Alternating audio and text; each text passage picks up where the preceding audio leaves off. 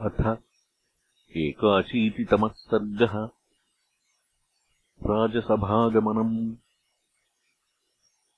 ततो नान्दीमुखीम् रात्रिम् भरतम् सूतमागधाः।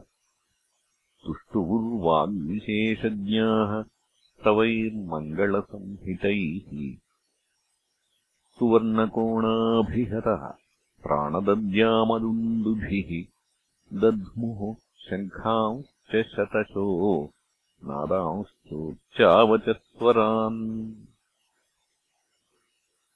स तूर्यघोषः सुमहान् दिवमापूरयन्निव भरतम् शोकसन्तप्तम् भूयः शोकैररन्ध्रयत् ततः प्रबुद्धो भरतः तम् घोषम् सन्निवर्त्य च नाहम् राजेति चाप्युक्त्वा शत्रुघ्नमिदमब्रवीत्।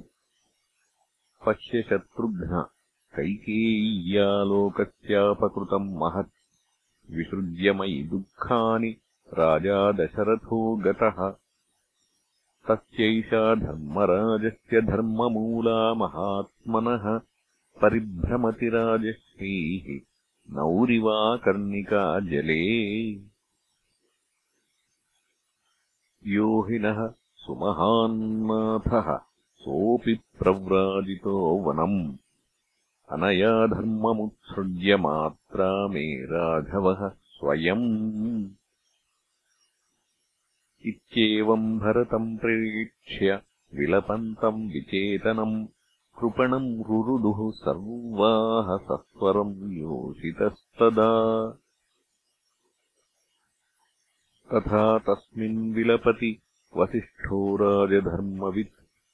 सभामिक्ष्वाकुनाथस्य प्रविवेशमहायशाः। शातकुम्भमयीम् रम्याम् मणिरत्नसमाकुलाम् सुधर्मामिव धर्मात्मा सगणः प्रत्यपद्यत।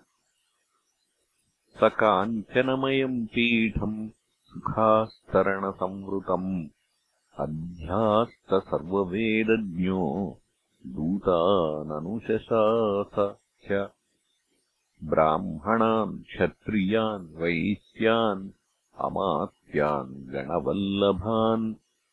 क्षिप्रमाणयताव्यग्राः कृत्यमात्यैकम्